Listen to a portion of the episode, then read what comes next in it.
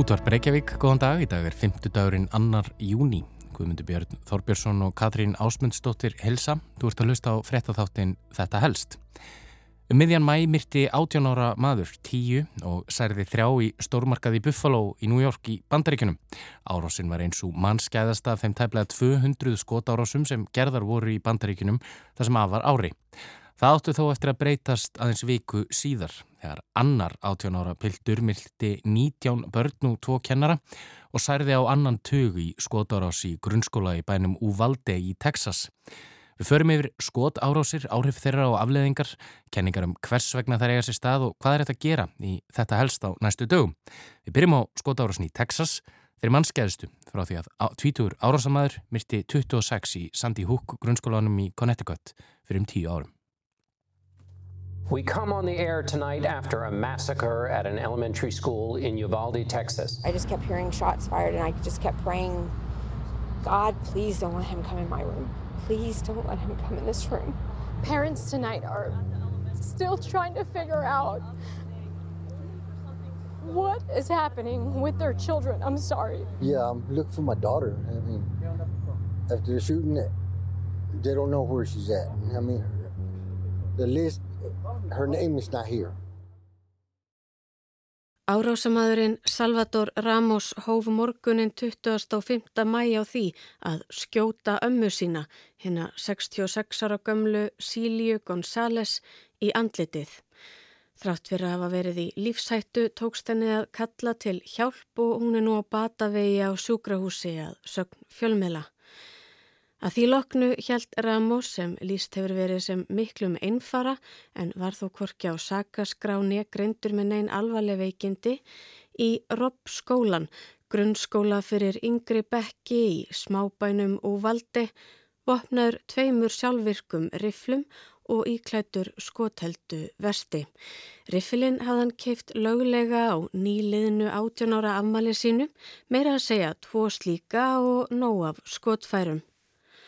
Talið er að Ramos hafi komist inn í kennslustofur barnana sem öll voru aldrinum 5-11 ára um ólæstar dyr, dyr sem samkvæmt öryggisreglum skólans hefðat að vera læstar. Hann læsti sig svo inni með börnum og starfsfólki skólans og hóf skotrýð, skaut af handahófi á börn þar sem þau reyndu að forða sér. Að lokum hafði hann skotið 21 til bana, 19 börn og 2 kennara og særði 17 á þeirri rúmlega einu og hálfu klukkustund sem hann hafði þar til láregla loks feldan.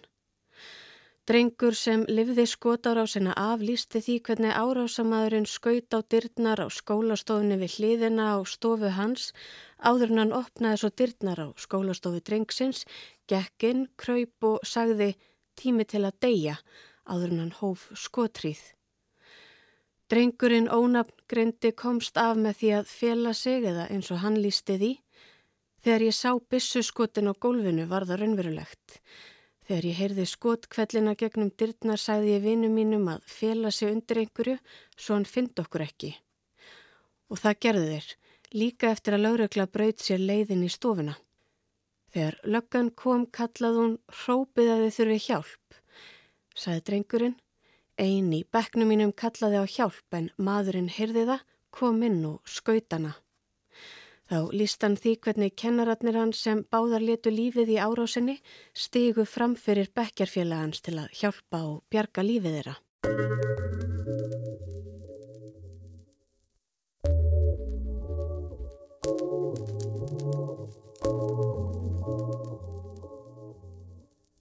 Laurugluðurvöld hafa verið harðlega gaggrind fyrir seinagang og vanhæfni í vinnubröðum við árásinni. Það kom á daginn að 19 lauruglumenn, þeir sem voru fyrstir á vettvang, byðu á göngum skólans eftir fyrirmælum á meðan árásin stóð yfir. Þeir réðust ekki inn þrátt fyrir skýrar, verkreglur og kvartningu fólks á vettvangi. Haft var eftir föður eins barðsinn sem var myrta hann hefði sjálfur verið að hugsa um að ráðast inn í skólan af því að lögreglan gerði ekki neitt. Margir hafa því gefið sterklega í skina með betri og skjótari viðbröðum lögreglu hefði verið hægt að bjarga mannslífum og því miður bendir ímislegt til að það geti verið rétt. Uvalde CISD parents there is an active shooter at Robb Elementary. Law enforcement is on site. Fóreldrar, það er skittað verki í Robb skólanum. Laurugla er á vettvangi. Vinsamlegast ekki koma þangað svo stöttu, öllum nýjum upplýsingum verður miðlað til ykkar. Við þökkum skilningin.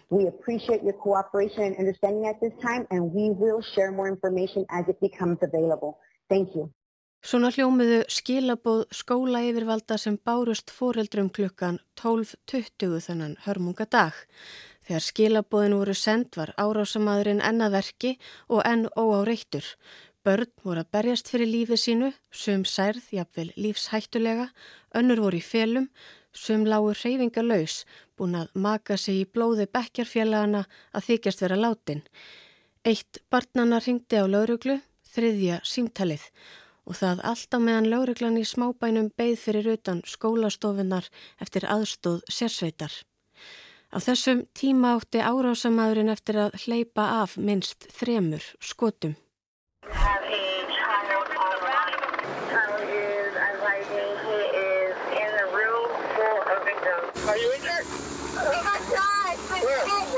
is Og allt þetta, jafnvel þótt verkferðlar og reglur segi skýrt að í virkri skotárás þurf ekki að býða eftir sérsveit. Raunar beri lauruglu skilda til að stíga inn í og aðhafast, eða eins og segir í lauruglu handbók Texas, stöðið morðin fyrst og fremst skal fást við árásamannin. Það getur þýtt að líta þurfi fram hjá slösuðum og hrópum barna á hjálp. Það er að segja, Stöðvið árásarmannin fyrst af öllu hvað sem á gengur. Í grein 2 segir svo, hver sá sem ekki er reyðubúin til að setja líf saklausra ofar eigin öryggi ætti að íhuga annað starfsvið. Eftir að hafa um tíma vísað á bug ásökunum um vanhæfni í vinnubröðum viðurkendu lauruglu yfirvöld á förstu daginn að það hefði verið raung ákverðun að ráðast ekki strax til ingöngu í grunnskólan í Úvaldi. Vinnubröð lauruglu til rannsóknar bæði í ríkinu sjálfu og hjá bandaríska dómsmálaraðneitinu. Talið er líklegt að lauruglustjórin og skóla yfirvöld eigi yfir höfðið sér fjöldan allan af engamálum fyrir dómstólum og jafnvel vona á ákæru og saksók.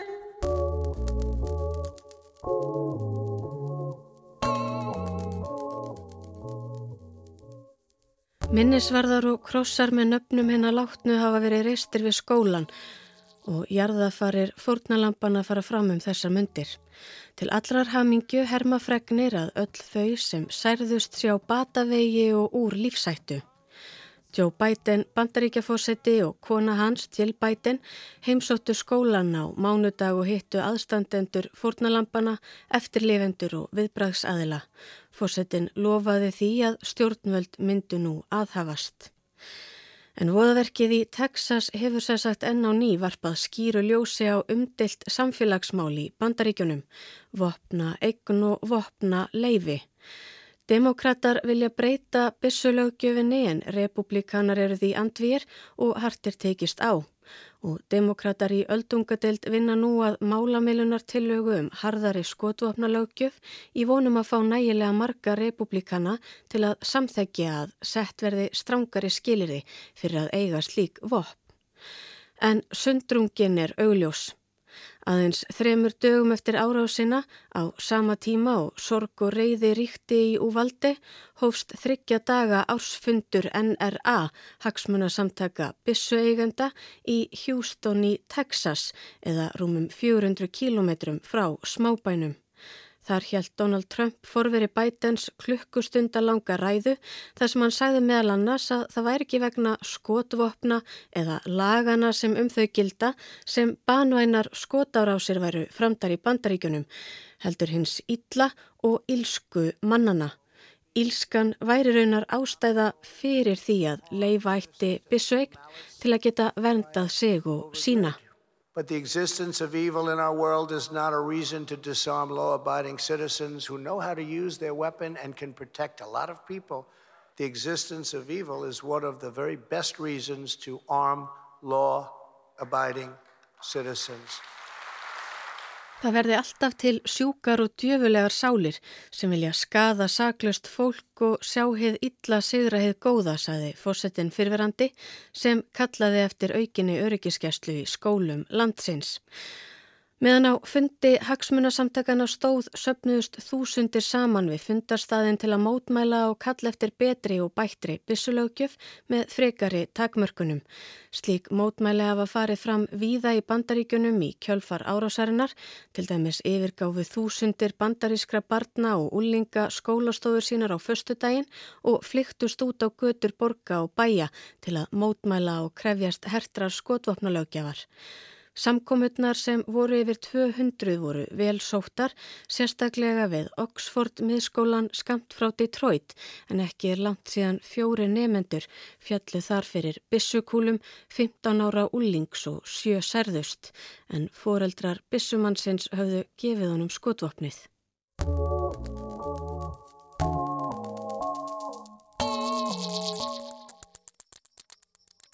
Og því miður eru allt of, allt of margir í bandaríkunum í þeirri stöðu að geta samsamað sig með eftirlifendum og ástvinnum fórnalampa árásarinnar í Texas.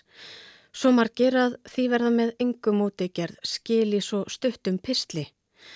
Árásinn á Robbskólan er áttunda fjöldamorðið sem framið er í bandaríkunum bara á þessu ári og það sjöunda mannskeiðasta sem hefur verið framið þar í rúm 70 ár.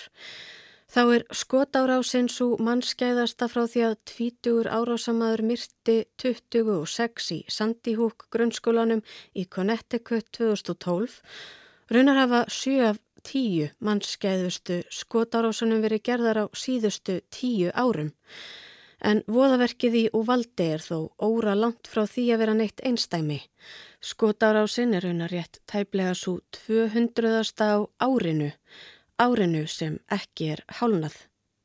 Aðeins tíu dögum fyrir árásina í Uvaldi skaut 18 ára piltur tíu sem flest voru dökka á hörund til bana við stórmarkað í Buffalo í New York ríki og er fjöldamorðið rannsakað sem hatur sklæpur sprottinn af ofbeldisfullri öfga kynþáttahyggju.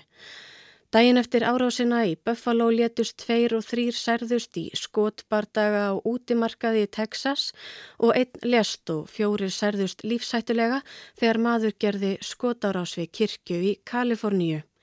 Á mánudagin særðust tíu í skotárás í miðbæ Charleston í Suður Karolínu. Uh, Bara núna í gerðkvöld týndu fjóri lífi þegar maður vopnaður hríðskotabissu og skambissu hóf skotríð á sjúkrastofnun í Tulsa í Oklahoma. Árásamæðurinn svifti sig svo lífi. Right now we have uh, four civilians that are Fyrir hvert einn sem lætur lífið í skotarás í bandaríkunum særast sex alvarlega. Þetta kemur fram í nýri skýslu sem tímaritt bandaríska læknafélagsins Journal of the American Medical Association hefur tekið saman um bissuafbeldi í landinu. Rannsóknin náði til skotárása þar sem tíu eða fleiri létust. Algengustu meðslin eru beinbrot, höfuð áverkar og aðrir áverkar sem ekki eru banvænir. Um fjórðungur þeirra sem ekki ljóta banvæna áverka þurftu að gangast undir aðgerð og fjórir af hverjum tíu glimtu við einhvers konar föllun þegar þeir voru útskrifaðir af sjúkrahúsi. 13% þeirra sem slösuðust þurftu langtíma ummunun. Meðalkostnaður þeirra sem þurfa á sjúkrahúsvist að halda segja skýsluhefundar að séu um 65.000 bandaríkjadalir eða sem nefnur tæplega 8,5 miljón íslenskra króna. Þá er kostnaðurinn vegna bissu ofbeldis í bandaríkunum um 10 miljardar bandaríkjadala á ári samkvæmt rannsókninni eða rúmlega 12.000 miljardar íslenskra króna.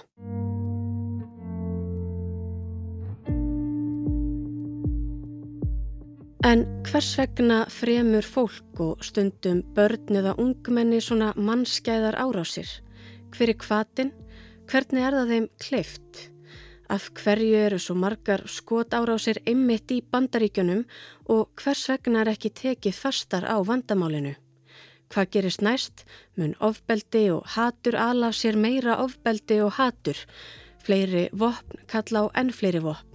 Brynvörslu grunnskóla eða er núna komið að því að eitthvað breytist raunverulega til hins betra.